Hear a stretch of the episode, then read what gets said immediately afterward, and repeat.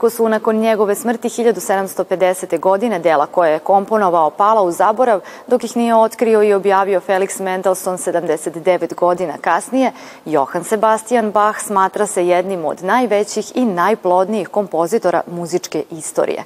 Novosadska publika imala je priliku da uživa u delima tog baroknog autora, a ako ste i vi ljubitelj polifonije, ostanite sa nama. Iz emisije izdvajamo.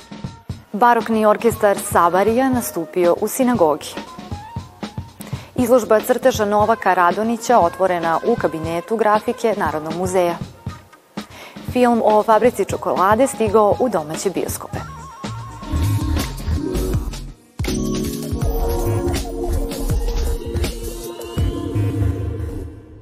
Predprazničnu atmosferu u Novom Sadu obogatio je nastup baroknog orkestra Sabarija, koji je u sinagogi izveo Bahove kantate i to na način na koji su se svirale u periodu kada je živeo čuveni kompozitor. Tim povodom naš današnji gost je dirigent i flautista Pal Nemet. Dobrodošli u Arteriju. Članovi ansambla sviraju na autentičnim instrumentima, od kojih neki datiraju iz 18. veka. Po čemu se oni razlikuju od savremenih muzičkih instrumenta? Moderni instrumenti imaju snažniji i veći zvuk i koriste se za velike koncertne dvorane, dok su stari instrumenti manji, ali za mene i članove ovog ansambla oni su prikladniji za izvođenje ove vrste muzike. Nije teško svirati na baroknim instrumentima, ali zahteva mnogo vežbanja na dnevnom nivou, ali vežbanja i tokom leta i zime. This synagogue we made a, a concert about five years ago. U sinagogi smo održali nastup i pre pet godina. Tada smo svirali mađarsku baroknu muziku i ovaj prostor je veoma pogodan ima lepu akustiku za muziku tog perioda. Because it's only positive energy. Publika voli baroknu muziku svuda i prilično je popularna, zato što slušalcima daje osjećaj pozitivne i dobre energije i veoma prija i sada u ovom periodu kada smo suočeni sa ratovima u svetu. Barokna muzika ima tu moć u sebi da opušta i nas koji je sviramo i publiku koja je sluša. For me too, for the colleagues too, and for the audience too. Zbog čega ste se opredelili upravo za muziku baroka? Always interesting for me Od uvek me interesovala muzika baroka, najviše muzika Johana Sebastijana Baha, ali i drugih kompozitora poput Claudia Monteverdija i Vivaldija. Kada sam počinjao da sviram baroknu muziku, bilo mi je veoma interesantno i tada sam bio prvi u Mađarskoj i Srednjoj Evropi pionir, te mi je bila čast da ovu vrstu muzike i sviranja učinim prepoznatljivom. Pionir to make this music uh, on period instruments. It's very interesting for me today too. Vaša misija je da uđete u trag zaboravljenim muzičkim vrednostima i učinite ih javno poznatim. Sa kakvim izazovima ste se susretali na tom putu? We make always uh, uh experiments. Često eksperimentišemo i pokušavamo da nađemo neke nove muzičke puteve. Prošle nedelje smo objavili CD na kojem su snimljeni prvi valceri u evropskoj muzičkoj istoriji u 18. veku, poput oni koje su komponovali Mozart i Haydn. Taj projekat nam je bio veoma interesantan. Na CD-u pod nazivom Rođenje valcera nalaze se naše izvođenja i to su bili neki novi poduhvati u radu ovog ansambla. Praznici su i vreme za humanost, a upravo je jedan koncert takvog karaktera održan u Kulturnom centru Novog Sada.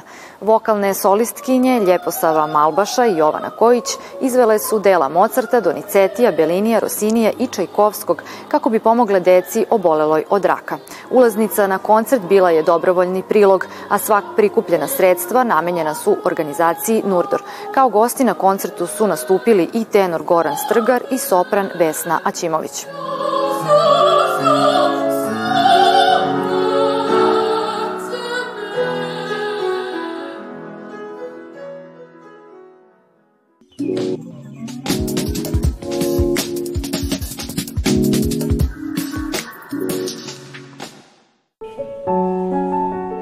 Izložba Nadežda Petrović bez boje predstavlja selekciju 75 crteža iz Nadeždinog najranijeg perioda. Većina crteža nikada do sada nisu predstavljeni javnosti niti objavljivani u monografijama i katalozima, a po prvi put crtački opus Nadežde Petrović predstavljen je kao celina. Prvu čine upravo te skice o kojima sam govorila, zabeleške, odraz njenog intimnog raspoloženja.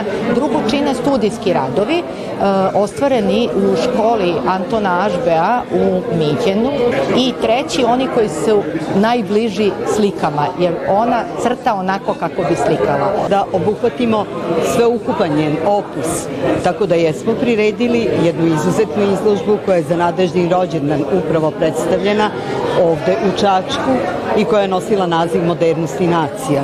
To je bio nadežni slikarski opus, ali on nije dovoljan i ne može se razumeti ukoliko ga večeras ne predstavimo i na jedan još drugačiji način sa malo poznatim i nedovoljno obrađenim crtežima Nadežde Petrović, njenim skicnim blokovima. Posebnu čar izložbe predstavlja crtež Nadežinog oca Dimitrija Mite Petrovića na kome petogodišnja Nadežda. Mi u Čačku možemo da vidimo jednu ekskluzivu, a to je crtež njenog oca Male Nadežde za vreme dok su boravili u Čačku. Kako je Nadežda sama u svojim pismima rekla, e, šta sam drugo mogla da postanem ja, Dimitrijeva Milanina čerka, do srpska slikarka, kad iz detinstva najraniju uspomenu umešto fotografije imam crtež. U njima sam se ogledala više nego u. Od 173 crteža slavne slikarke koji se čuvaju u bogatom fondu Narodnog muzeja, Čačanskoj publici predstavljeno je 75 radova koji će biti izloženi u Galeriji Risim do 20. januara naredne godine.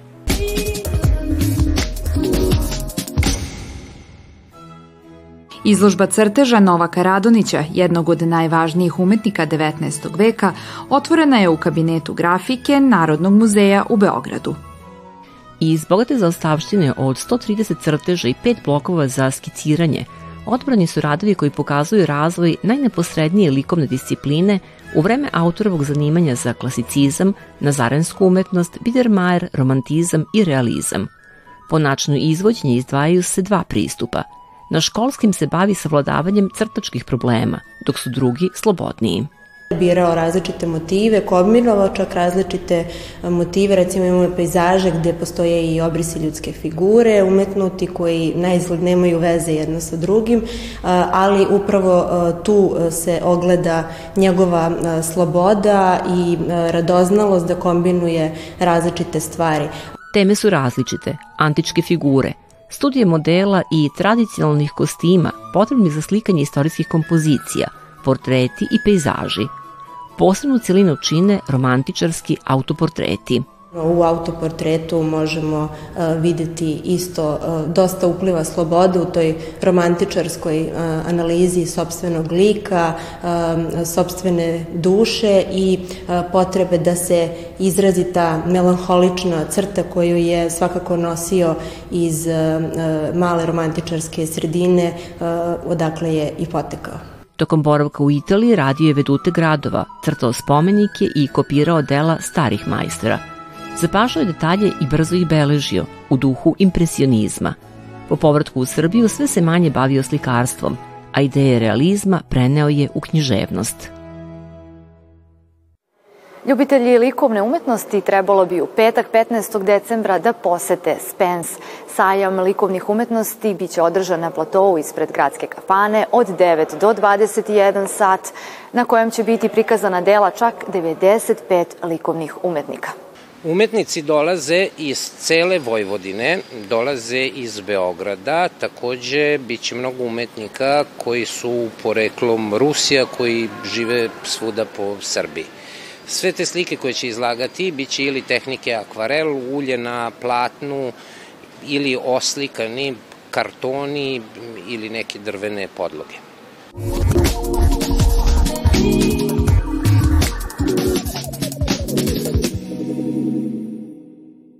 I've spent the past seven years traveling the world perfecting my craft. You see, I'm something of a magician, inventor, and chocolate maker. Kakvu čokoladu volite? Crnu, mlečnu, belu ili sa punjenjem? Kakav god odgovor da date, znajte da će vašu glad utoliti novi film Vonka koji se prikazuje i u domaćim bioskopima. Iako je Johnny Depp ukrao srca publike 2005. godine kada je tumačio ulogu Vilija Vonke u filmu Charlie i Fabrika čokolade, produkcija je za novo ostvarenje uspela da pronađe dostojnu zamenu. Without a shop.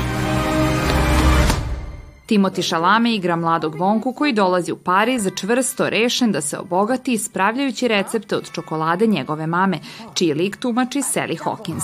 Priča utemeljena na knjizi Roalda Dala iz 1964. godine u rukama pisca Simona Farnabija i reditelja Paula Kinga dobija jednu slatku nevinu notu, prikazujući Vonku kao neiskvarenog, gotovo naivnog mladića u borbi protiv sveta. U svojim pokušajima da se probije na ustaljeno tržište čokolade nailazi na brojne prepreke. Nogu mu podmeću rivali Fikil Gruber, Prodnoz i Slagvort, a u jednom trenutku čak završava i u zatvoru. Interesantno je što se teško može odrediti vremenski period u koji je radnja smeštena. U jednom trenutku je to viktorijansko doba, a u drugom 20. vek.